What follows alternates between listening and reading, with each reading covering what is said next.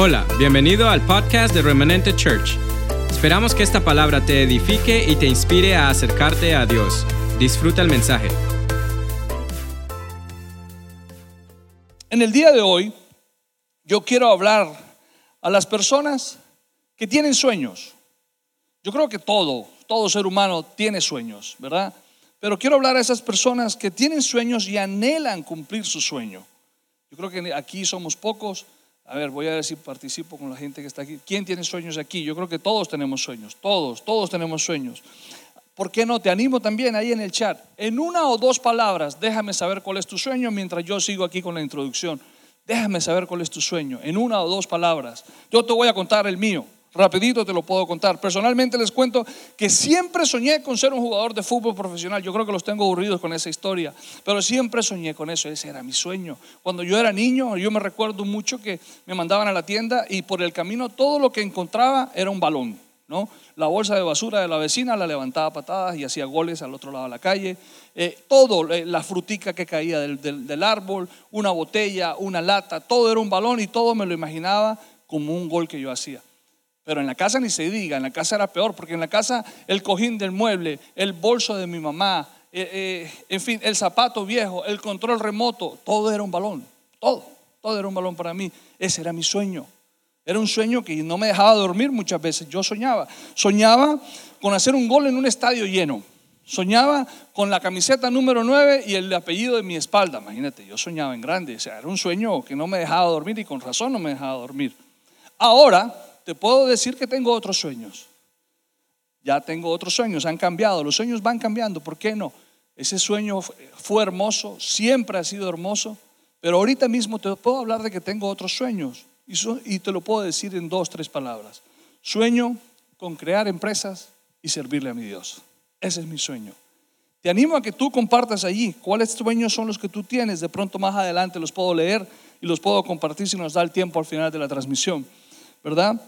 Pero en ese tiempo de mi niñez, hasta llegar a la edad adulta, en este, en este tema de los sueños, aprendí que los sueños son importantes, porque nos ayudan a tener esperanza, porque nos ayudan también como un instrumento que nos lleva a esforzarnos y a desarrollar muchas veces la disciplina que necesitamos para poder lograr ciertas metas que nos trazamos para conseguir esos sueños. Pero hoy he aprendido algo más. Hoy he aprendido algo diferente acerca de los sueños y te lo quiero compartir. Y es que todo sueño que tú y yo podamos tener en las manos de nuestro Creador es mucho más que un sueño. Sencillo. Todo sueño que tú puedas tener, que tú estés teniendo en este instante, pues, no importa la edad que tengas, pero si te aseguras de colocar ese sueño en las manos de, de tu Creador, es mucho más que un sueño. Y por eso ese es el título del día de hoy, mucho más que un sueño, el título de la enseñanza, de la reflexión, de la prédica, de lo que estamos compartiendo juntos en esta mañana, es mucho más que un sueño. Le colocamos título para poder referenciarlo y para poder compartirlo y para poder incluso muchas veces encontrarlo en nuestros apuntes. Mucho más que un sueño. Si te gusta tomar notas, ese es el título de lo que vamos a compartir en el día de hoy. Y les quiero hablar, lógicamente, ya ustedes se imaginan de quién les quiero hablar es un hombre muy conocido en la Biblia, un personaje muy conocido en la Biblia, y es José, José el soñador. Les quiero hablar de él. La historia de José en Génesis es supremamente extensa. Ustedes saben que a mí me gusta leer la historia, pero no lo voy a hacer. No se preocupen, no voy a caer ahí porque no salimos de aquí en esta mañana. Pero sí quiero leerles un verso bíblico, una cita bíblica en Génesis 37.5. Quiero que me acompañes a Génesis 37.5 Mientras lo buscas, yo lo leo para ti. Dice, una noche José tuvo un sueño y cuando se lo contó a, sus hermanos, lo odiaron más que nunca. Esa es la nueva traducción viviente. Vamos a leerlo en la Reina Valera. Dice, tuvo José un sueño y lo contó a sus hermanos. Y ellos llegaron a, a, aborrecerlo más todavía. ¿Qué me enseña a mí esto que estoy leyendo? Esto me enseña que ya los hermanos le traían su, su piquiña, ya los hermanos le traían su rabia, ya los hermanos no estaban muy contentos con él. Y cuando, que dice, cuando dice que lo aborrecían más todavía, me demuestra que eso empeoró la situación. ¿Qué edad tenía José cuando le sucedió esto? 17 años. Era un adolescente, un teenager. 17 años tenía el muchacho. Ahora, usted y yo podemos hablar y podemos discutir un poco el hecho de la inmadurez de José, por la edad que tenía y no, la injundia que él traía, todo. Pero, ¿por qué inmadurez? Sí, porque fue corriendo y le contó a sus hermanos ese sueño, con esa alegría, con ese, con ese corazón que se le quería salir del pecho. Y él corre donde sus hermanos y les cuenta el sueño y ellos no querían escuchar su sueño. Es cierto, es cierto. Hay personas que hablan demasiado. Habemos personas que quizás hablamos demasiado acerca de nuestros sueños. Y hay personas que se les pasa un poquito la mano colocando en las redes sociales todo lo que hacen. Y quizás inocentemente creen que a todas las personas les va a gustar como Dios te está bendiciendo. Quizás inocentemente estás creyendo que así es y que todo lo que colocas en Instagram a todos les va a gustar. Porque estás en tal lugar, porque estás comiendo esto, porque te compraste estos zapatos, porque ya cambiaste el carro y tienes este carro ahora, porque te compraste esta casa, pero también te pudiste comprar esta otra. Hey, hey, hey, hey. Analiza un poquito lo que estás haciendo, ¿verdad? Porque te puedo asegurar que no a todos, no a todos les va a bendecir lo que el Señor está haciendo en tu vida. Pero ¿qué te quiero enseñar con esto? ¿Por qué hago un comentario con relación a esto? Porque haciendo estas cosas, rayamos un poco en la imprudencia. ¿Y qué dice la palabra acerca de eso? En Proverbios 2, 3 al 5 dice, si invocas a la inteligencia y pides que la prudencia te asista, o sea, te ayude, esté ahí para, para apoyarte en lo que necesitas, si la buscas como si fuera plata y la examinas como un tesoro, entonces entenderás el temor de Jehová y hallarás el conocimiento de Dios. Proverbios 2 del 3 al 5. Es necesario la prudencia en nuestras vidas. Pero es aún más necesario que a través de la prudencia podamos hallar el conocimiento de Dios. ¿Qué quiere decir el conocimiento de Dios? Esta palabra conocimiento en su raíz hebrea, yo hice la tarea y no les voy a decir cómo se pronuncia porque no sé pronunciarla, pero hice la tarea. Pero en su raíz hebrea dice que esta palabra conocimiento quiere decir ciencia, quiere decir inteligencia, quiere decir sabiduría, pero también significa intención o sentido. Entonces, si clamamos a la inteligencia y buscamos la prudencia, entonces vamos a comprender cuál es la intención o el sentido de la bendición de Dios sobre mi vida. Eso es lo que podemos entender de esta palabra en Proverbios. Hay un sentido y hay una intención para todo lo que Dios está haciendo en tu vida. Y te aseguro que muchas veces no es para que lo coloques todo en las redes sociales. Te aseguro que muchas veces no es para que se lo dejes saber a todos tus amigos en Facebook. Te lo puedo asegurar y lo vamos a desarrollar más adelante y lo puedes, te vas a dar cuenta de esto. Ahora, volviendo a José, podemos decir que José era un muchacho diferente, completamente diferente. Era un muchacho, para empezar, sus hermanos eran hermanos por parte de padre, pero no por parte de su mamá. Él, había, él, era hijo de Raquel. Raquel era la esposa que su padre más amaba. Entonces él era el consentido de su padre. Lo hacía un muchacho diferente, muy cercano a su padre. Te puedo decir que un sueño en la mano de Dios te va a hacer una persona diferente. Definitivamente te va a marcar y te va a hacer una persona diferente. Pero si este sueño está en la mano de Dios si este sueño lo colocas en la mano de Dios. Eso le pasaba a José. Su padre lo trataba completamente diferente a los demás. Le regaló una túnica de colores. Ustedes han leído la historia, ustedes si no la han leído, la han visto en los dibujos, animados y se dan cuenta que José danzaba y bailaba, iba y hablaba con sus hermanos y él no le daba pena usar su túnica de colores en Colombia, yo no sé, mi esposa veníamos en el camino y yo le pregunté, mami, ¿qué es una túnica? Y me dice, bueno, papi, no sé, yo creo que en Colombia se puede decir ruana. Yo no sé si es verdad que se puede decir ruana. Pero una túnica era algo que ellos usaban en una prenda de vestir y se la colocaban encima y él la usaba, era de colores, era diferente. Él no le daba pena usarla, él estaba convencido de que era diferente y estaba convencido del favor de su padre sobre su vida y del cuidado especial que él tenía sobre él. Entonces esa confianza y esa convicción lo hacía ser una persona diferente. Ese sueño y ese padre lo hacía ser una persona diferente. El sueño que tú tienes en las manos de Dios va a ser de ti una persona diferente. Ahora, para los jóvenes, los teenagers, los adolescentes, porque José tuvo este sueño cuando era un adolescente. Les quiero decir esto.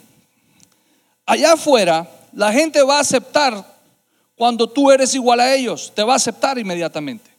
Pero eventualmente, ojo, eventualmente van a respetar lo que es diferente a ellos. Te lo voy a decir de otra manera. La presión que tienes tú, joven, allá afuera, para ser aceptado, para encajar, para que te reciban en la como amistad, para tener seguidores en Instagram, ojo, para tener más seguidores en Instagram, en TikTok, en fin, la cantidad de cosas que hay hoy en día, en Facebook Quizás no en Facebook, quizás Instagram. Esa presión que hay allá afuera te puede llevar a renunciar o a negociar lo diferente que eres de parte de Dios en tu vida sin darte cuenta.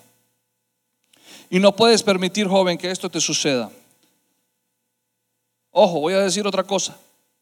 Quizás, quizás, esto no solo le está sucediendo a los jóvenes también nos puede estar sucediendo a nosotros los adultos.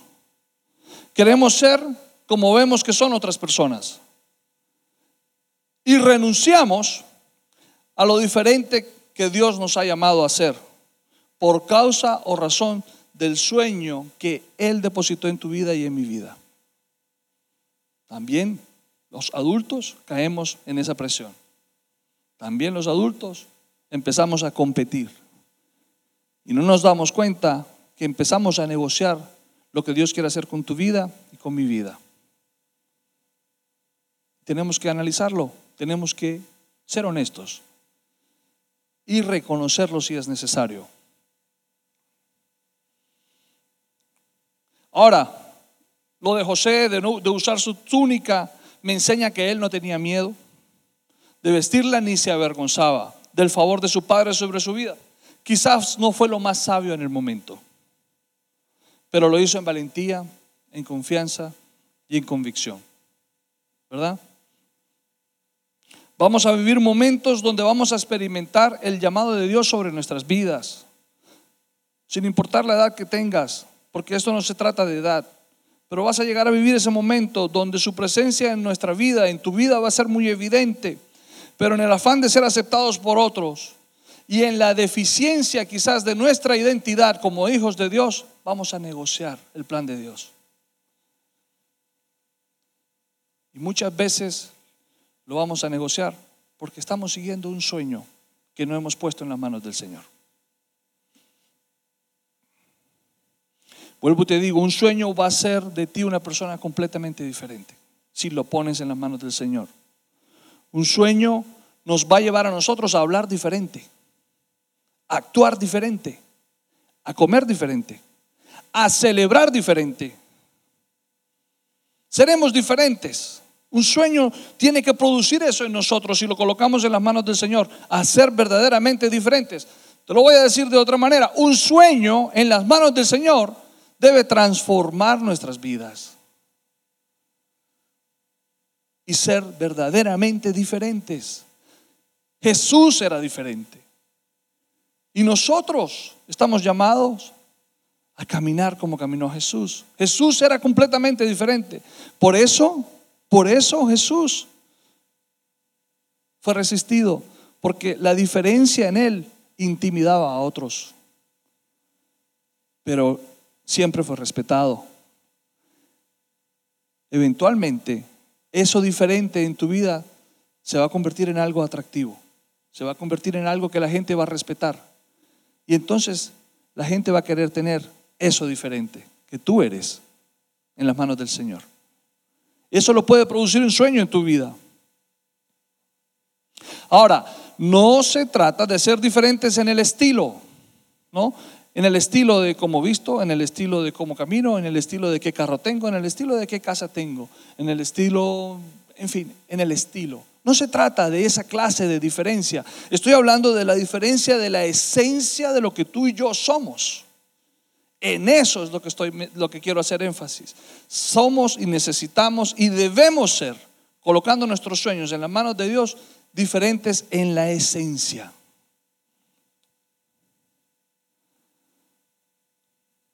Cuando este sueño se empieza a volver realidad, comienzas a cambiar. Muchas cosas van a cambiar en tu vida. Y comienzas a hacer sacrificios en donde la gente te va a criticar y va a decir, estás loco, man. ¿Cómo vas a hacer esa clase de sacrificios? ¿Qué te pasa si tú no necesitas hacer eso? Pero es que ese sueño en las manos de Dios te da esa convicción, te da esa pasión, te da ese amor, te da esa fuerza, te da esa voluntad, te da esa disciplina para tú empezar a hacer lo que Dios te llamó a hacer lo cual implica ciertos sacrificios que van a ser criticados por muchas personas. Usemos un ejemplo sencillo y siempre lo he usado, pero volvámoslo a usar, el ejemplo de una dieta. Si tú te levantas un día y dices, voy a hacer una dieta y voy a perder 30 libras, voy a empezar a comer saludable, voy a empezar a hacer ejercicio, voy a dormir mejor, ¿verdad? Eso va a ser, no importa lo que esté sucediendo alrededor mío, te aseguro que aún dentro de tu familia va a llegar gente que te va a criticar y te va a decir, ay, qué falla, ya contigo no se puede salir a ningún lado. Porque es que tú no comes ya pizza. Ay, porque es que con todo lo que nos gustaba la pizza. Y no, y ya no tomas Coca-Cola. Por lo menos tómate una Diet Coke. Te van a criticar y te van a querer desanimar. Pero si tú te mantienes firme en esa meta, en ese sueño, en lograr perder ese peso, ¿cuánto más no va a ser esto una diferencia en tu vida cuando se trata de tu destino en Dios y no de una simple dieta? Con mayor razón, con mayor enjundia, con mayor ánimo. Yo voy a colocar mis sueños en las manos de Dios porque yo quiero ser transformado. Porque yo quiero, yo quiero que ese sueño de Dios en mi vida se cumpla. No dejes que estas personas por medio de sus críticas te desanimen. No te dejes vencer. Si quieres, empieza por el lado de la dieta. Y hablamos en un mes. Y te vas a dar cuenta lo bien que se siente poder ponerte ese vestido que una vez viste en una revista. Poder ponerte esa chaqueta que ya no te cerraba el botón poder ponerte ese pantalón que ya lo tenías en la, en la, en la lista de las cosas que ibas a regalar, pero no, es el que más te gustaba y ya tenías la esperanza. Hablamos en un mes y te lo vas a colocar. Te voy a decir algo que me sucedió a mí curioso y no lo tengo aquí en mis notas, pero te lo voy a decir. Vas a bajar incluso hasta de talla de zapatos. Es increíble cuando tú te decides a bajar de peso y a cuidarte la salud. El cambio que vives es impresionante. Al principio te van a criticar, pero cuando estés llegando a tu meta o cuando hayas logrado tu meta, muchos van a querer entonces imitarte. Y te van a llegar a preguntar, ¿cómo hiciste? Entonces tú le vas a decir, no me dejé desanimar por ti. Seguí con mi plan. Estaba con la convicción de que esto era necesario para mi salud y para poder disfrutar mejor mi vida. Amén. Estoy hablando de una dieta, ahora imagínate en el destino de Dios. Es otra cosa, es otro nivel. Me pregunto a veces si hemos estado negociando nosotros nuestro propósito, nuestro destino de la mano de Dios por haber hecho quizás alianzas con el sistema o la cultura en la que vivimos. ¿Será que nos hemos conformado con el sistema en vez de transformarnos en la renovación de nuestro entendimiento? ¿Será? Romanos 12.2 dice, no os conforméis a este mundo, sino transformaos por medio de la renovación de vuestro entendimiento para que comprobéis cuál es la buena voluntad de Dios, que no solamente es buena, sino que es agradable y es perfecta. ¿Verdad? Lo hemos usado muchas veces en la iglesia, este, este, esta cita bíblica. Una vez más, lo usamos en esta mañana porque nos parece muy apropiada para analizar hasta qué punto estamos negociando, hasta qué punto no estamos dispuestos, hasta qué punto no hemos tomado la decisión de transformarnos o hasta qué punto nos hemos conformado. Have you settled, my friend? Don't settle. No te conformes. Vuelvo y digo, nosotros como cristianos debemos ser diferentes, pensar diferente, obrar diferente. Jesús fue diferente. Y la palabra nos enseña eso. En, en tercera de Juan 1.11 dice, amado, no imites lo malo, sino lo bueno. Él hace, el que hace lo bueno es de Dios, pero el que hace lo malo no ha visto a Dios. Muy sencillo, muy fácil de aplicar y de entender, muy fácil de tomar esta cita en nuestro diario vivir y analizarnos antes de hacer algo, antes de tomar una decisión. Es muy sencillo. Dice, el que hace lo bueno es de Dios, pero el que hace lo malo no ha visto a Dios.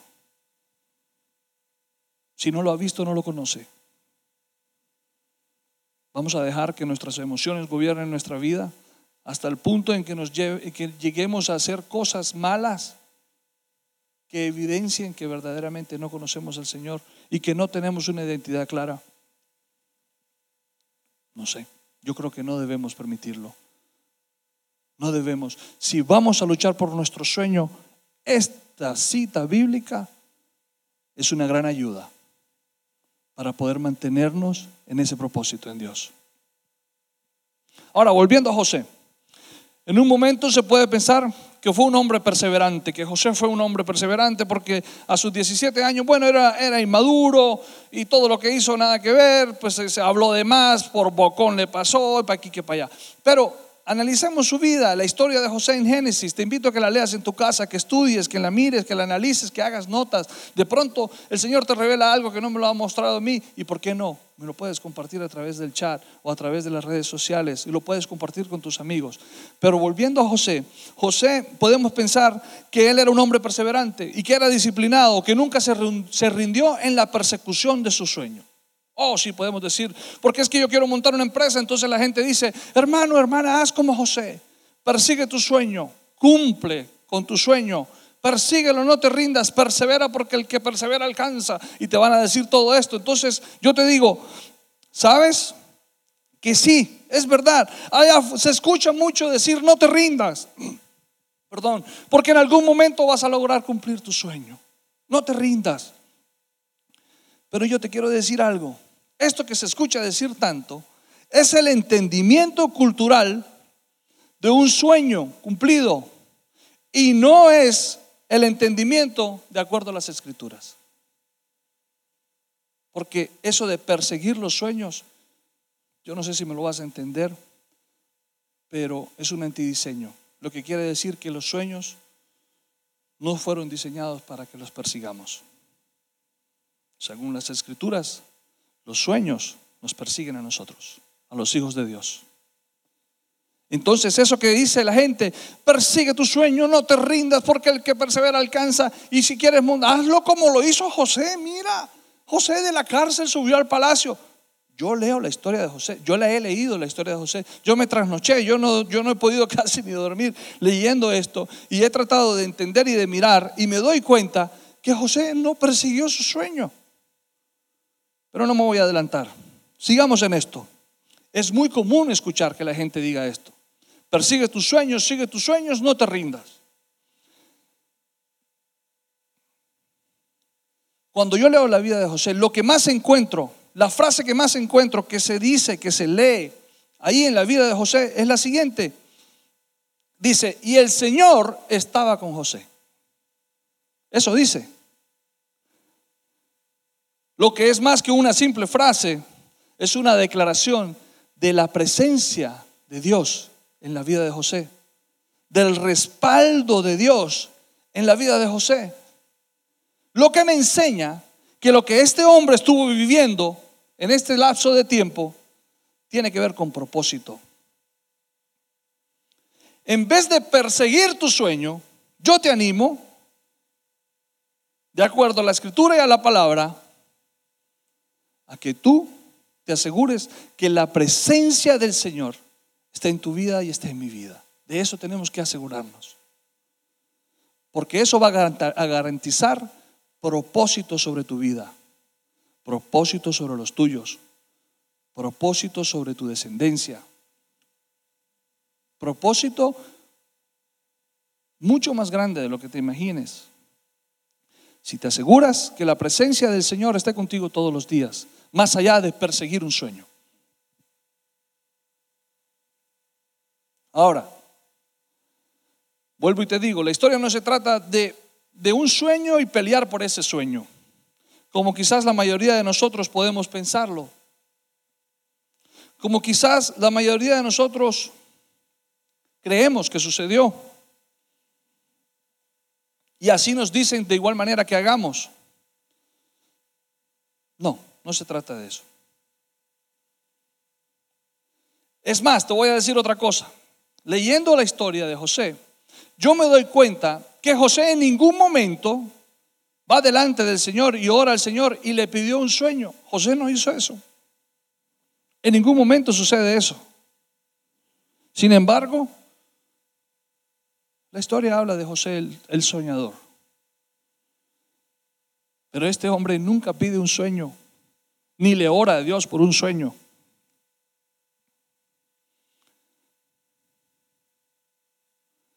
Muchas veces en el afán, en el deseo,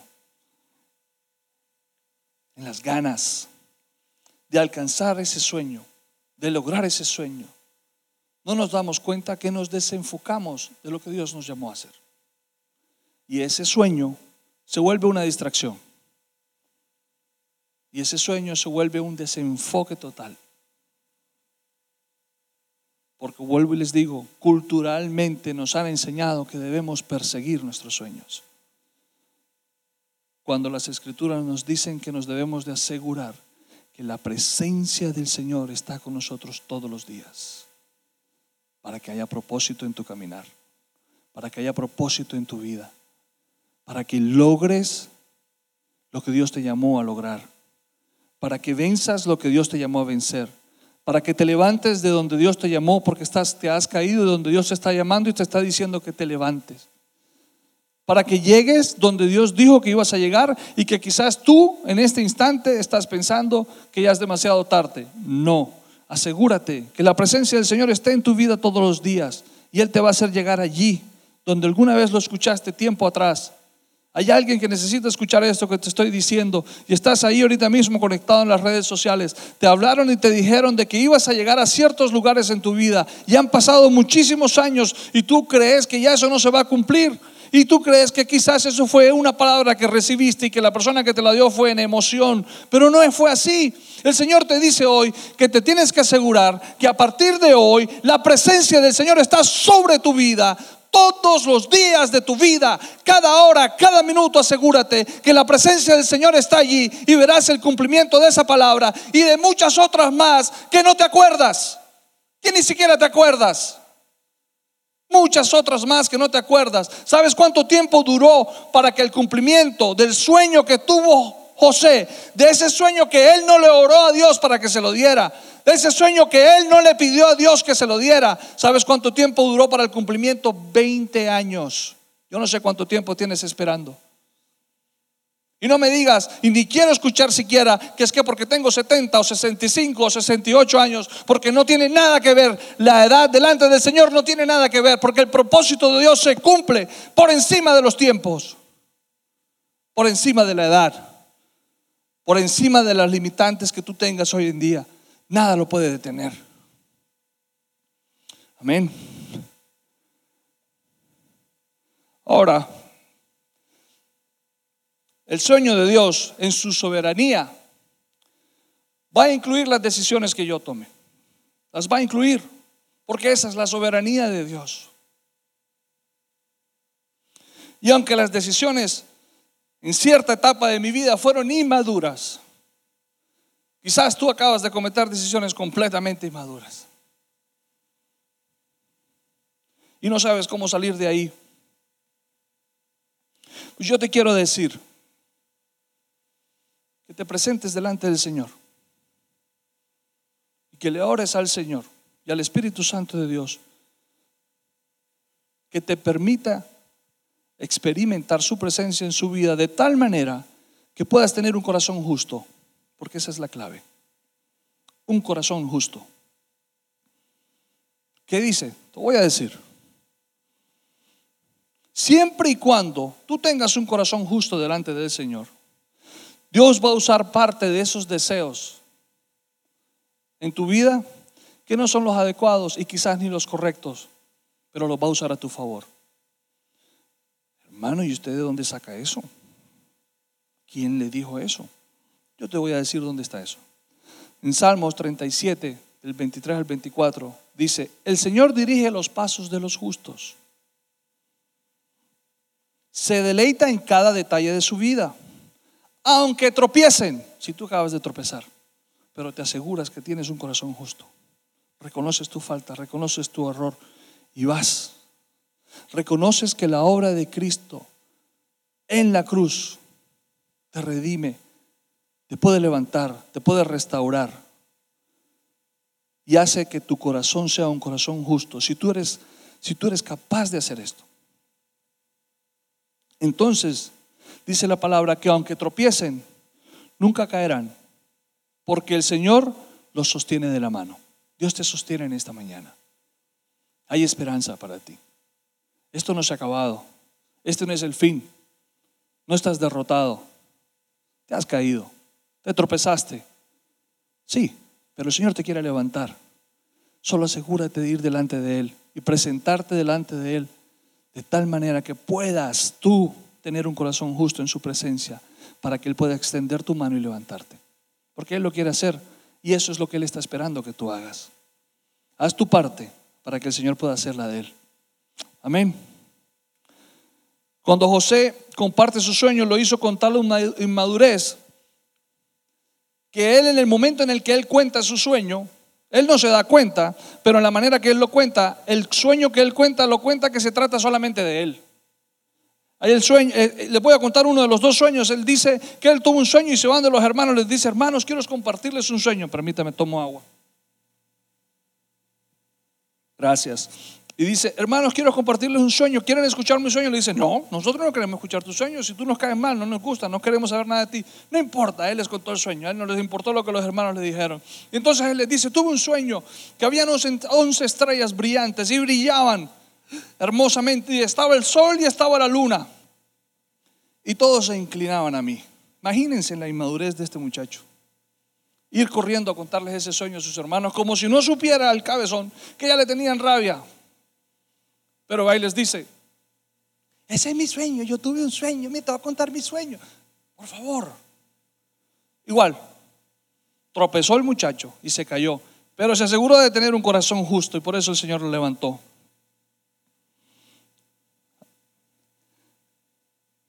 Es, es increíble. Es increíble lo que pasa en la vida de José. Pero es fascinante ver la mano de Dios en medio de todo esto. Lo vendieron por esclavo. Llegó a la casa de Potifar y de la casa de Potifar fue a la cárcel. Pero en ese transcurso de tiempo, en la casa de Potifar, todo lo que el hombre hacía y tocaba era prosperado. Le hicieron una mala jugada, terminó en la cárcel. Pero cuando estuvo en la cárcel, todo lo que hacía y tocaba era prosperado. De tal manera que se convirtió en el administrador de la cárcel. Imagínense que José estaba preso, pero él tenía las llaves de la cárcel. Y era un hombre tan correcto que no se escapaba ni se iba ni abusaba de eso. Porque se aseguraba que la presencia del Señor estuviese con él todos los días. Por eso era un hombre justo. Todo esto le sucedió a José. Imagínense todo esto que le sucede a José. Vendido por esclavo, mejor dicho, todo esto pasado por la sirviente en la casa de Potifar, perseguido y acosado sexualmente por la mujer de Potifar, metido en la cárcel por ese problema tan serio de algo que él no cometió, pagó condena, estuvo años preso en la cárcel, ni siquiera tenía, ni siquiera tenía fecha de cumplimiento de su condena. Ni siquiera le habían dicho cuándo iba a salir ese hombre de la cárcel. Y todo esto le sucedió por un sueño. Todo esto le sucedió por contar un sueño. Un sueño que él sabía que era de Dios. Y le sucede todo esto.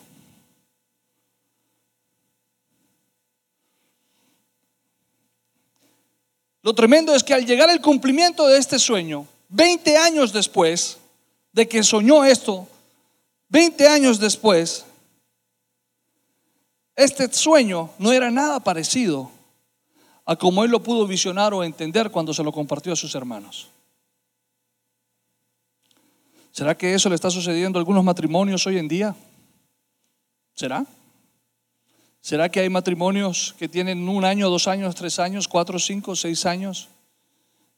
Y se están dando cuenta que el sueño no era tal como lo soñó. Se dan cuenta que tener hijos no es lo mismo que ver bebés en Instagram. Yo creo que no es lo mismo. Se da cuenta que a la hora de cambiar esos pañales, la cosa es en serio.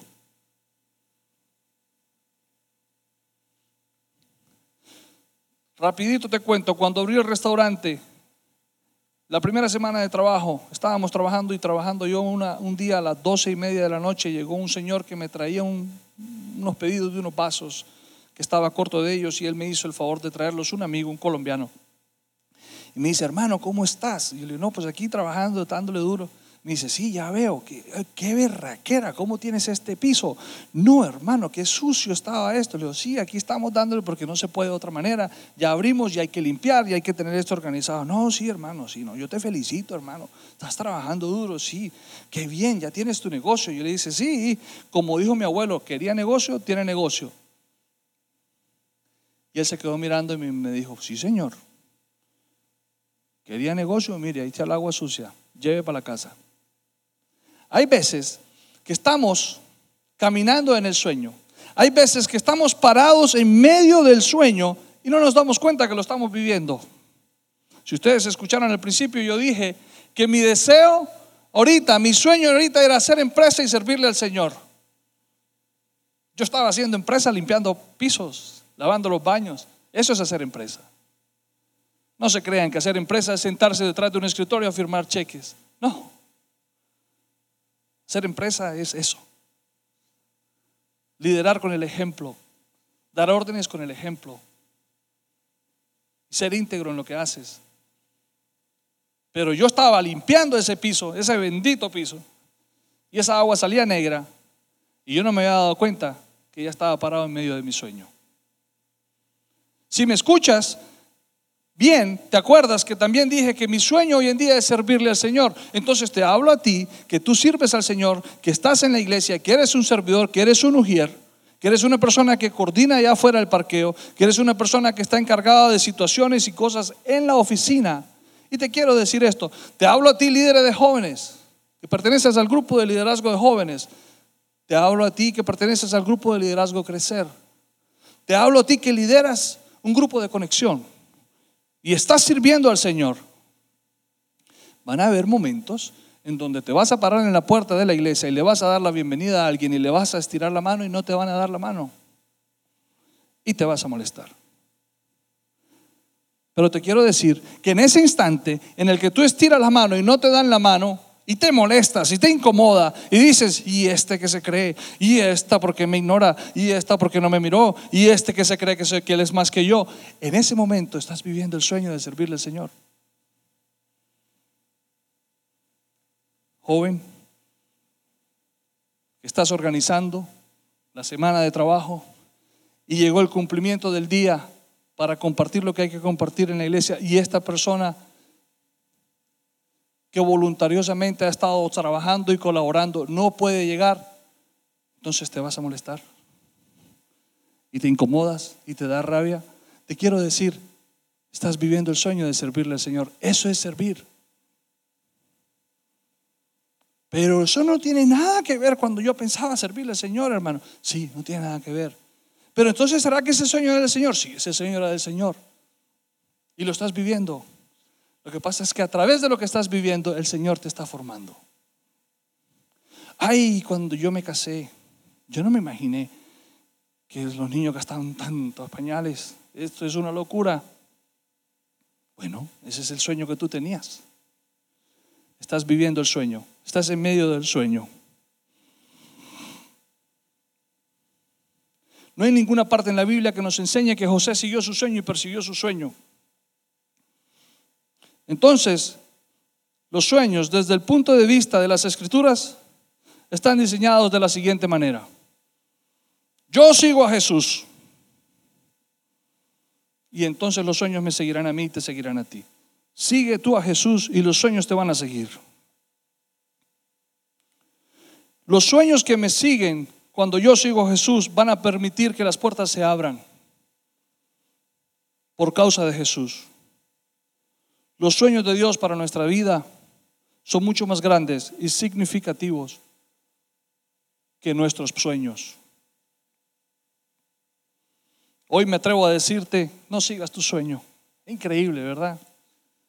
Increíble cómo podemos llegar a esta frase. Pareciera que me estuviera contradiciendo, pero no, no sigas tu sueño. Porque las escrituras nos enseñan que yo te debo decir hoy en la mañana, sigue a Jesús. A Él. Sigue a Jesús.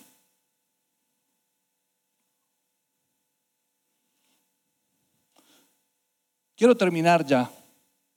Quiero que me acompañes. Mientras termino, vayas a, la Biblia en Génesis capítulo 45, del 4 al 8. Quiero terminar con esto.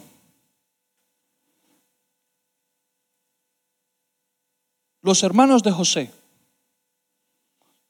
los hermanos que traicionaron a José, que lo vendieron por esclavo, que fueron injustos con él, que lo trataron mal, que fueron a su padre y dijeron mentiras para hacerle daño a José.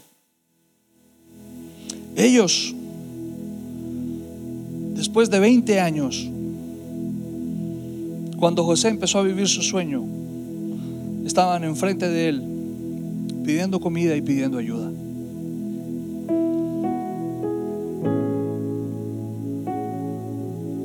20 años después de que José empezó a vivir su sueño, se dio cuenta que esas estrellas no brillaban tanto como él las vio. Se dio cuenta que ese sol y esa luna no eran el sol y la luna que él veía en el sueño.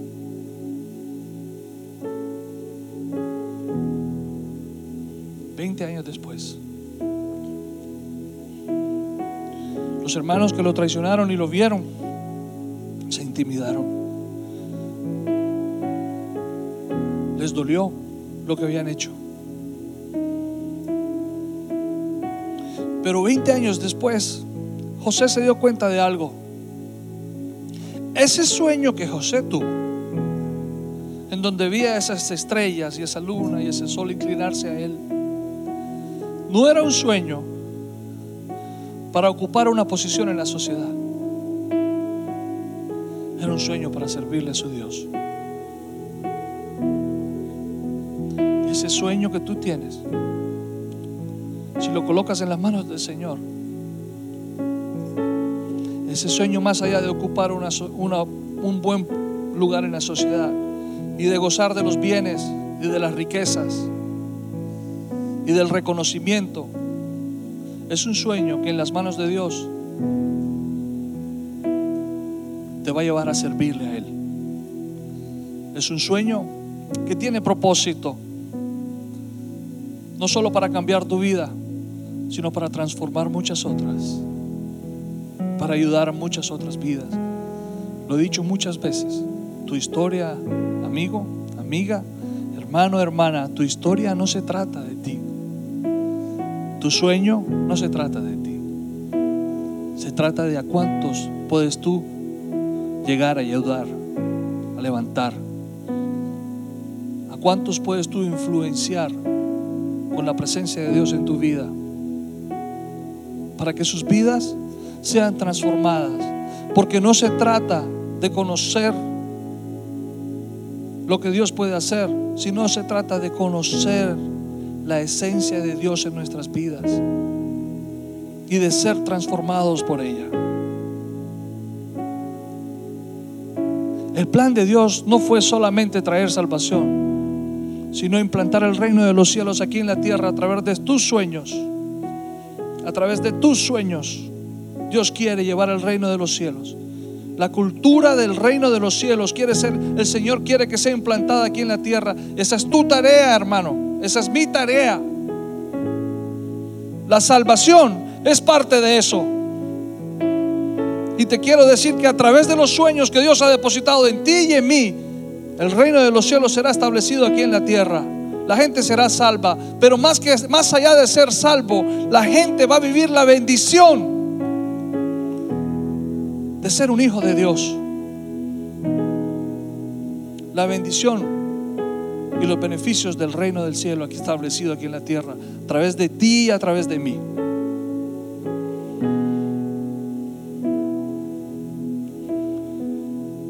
Le dice José a sus hermanos Génesis, por favor, acérquense, les dijo.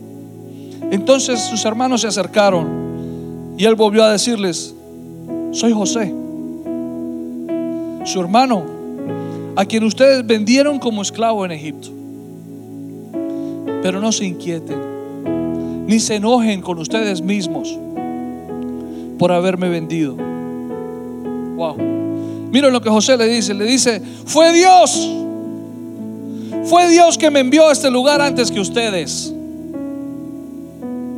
A fin de preservarles la vida. El hambre que ha azotado la tierra estos dos últimos años durará cinco años más. Y no habrá ni siembra ni ciega mas Dios me hizo llegar antes que ustedes para salvarles la vida a ustedes y a sus familias. Se trata de las familias de muchas otras personas. No se trata solo de tu familia. Se trata de las familias de mucha gente que quizás tú no conoces. Pero Dios te ha escogido para que bendigas esas generaciones.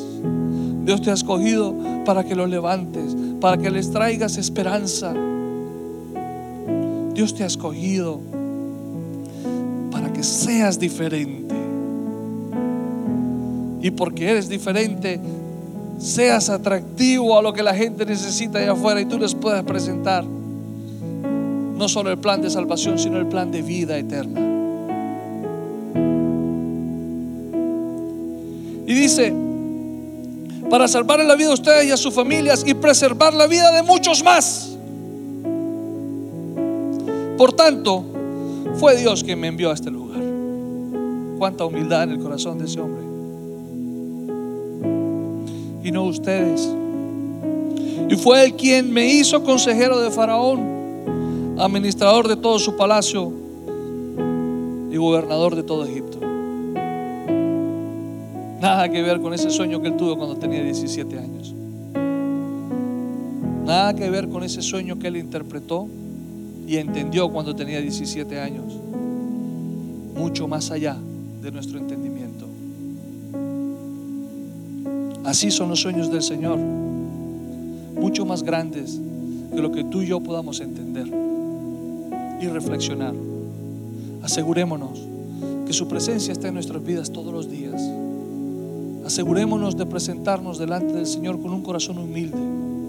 Asegurémonos de honrar el nombre del Señor. Asegurémonos de tener temor de su nombre en nuestro corazón. Y no tendremos falta de ningún bien. Pero más importante que eso, nuestros sueños en sus manos se cumplirán de una manera extraordinaria.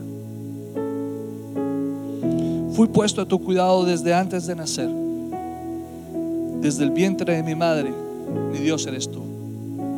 Te dejo con ese, con ese verso, esa cita, Salmo 22, 10.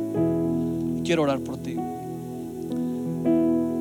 Si tú no conoces al Señor, si tú quieres y te das cuenta que has tenido un sueño que has perseguido por mucho tiempo y que a veces tiene sentido, pero a veces no tiene sentido, y le quieres dar sentido a tu sueño, Hoy es la mañana en donde puedes traer ese sueño y ponerlo en las manos del Señor. Pero ¿cómo hago eso? me gusta lo que escuché, me gusta saber que tengo que seguir a Jesús, pero ¿cómo hago con mis sueños? No sé, no entiendo qué debo hacer. Vamos a empezar por algo. Haz una oración conmigo. Repite conmigo esta oración. Y ahí donde estás, cierra tus ojos. Permite que el Señor ministre tu vida, que el Espíritu Santo de Dios sea llenando tu vida en esta hora.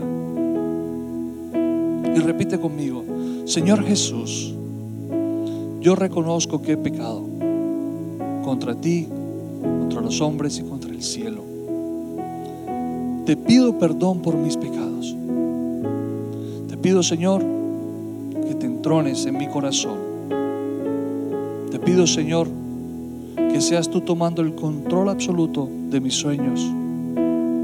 Te pido, Señor, que el cumplimiento de mis sueños sean bajo tu voluntad, bajo tu propósito, para que pueda yo servirte, para que pueda yo honrarte, para que pueda yo disfrutar de la vida eterna, de los beneficios del reino de los cielos, y no solamente de la salvación a través de esta oración. Jesús. Amén. Y para cerrar quiero orar por ti, que conoces al Señor y que de pronto has entendido que ese sueño te ha desenfocado, pero que en esta mañana lo traemos a los pies del Señor. Padre, en el nombre de Jesús, yo te doy gracias por tu presencia en nuestras vidas. Te doy gracias, Señor, por esta palabra, Señor, que has traído, por esta palabra que nos has confiado. Te doy gracias por el tesoro de tu verdad en nuestras vidas. Te doy gracias, Señor, por lo que estás haciendo en tu iglesia. Te doy gracias, Señor, porque a pesar de nuestra inmadurez, no nos has desechado, mi Dios.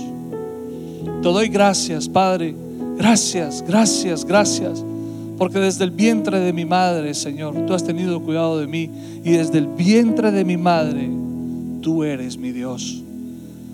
En esta mañana, yo traigo mis sueños y te los entrego a ti, mi Dios.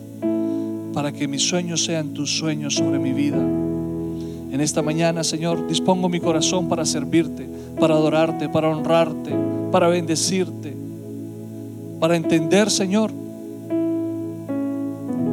que es más basado en lo que yo hago que en lo que yo digo, que es más basado en lo que puedo aprender, Señor, que en lo que me sé de memoria, que es basado en tu voluntad sobre mi vida y no la mía propia, Señor. En el nombre de Jesús, Señor, te damos gracias. Amén y amén. Esperamos que este mensaje haya sido de bendición.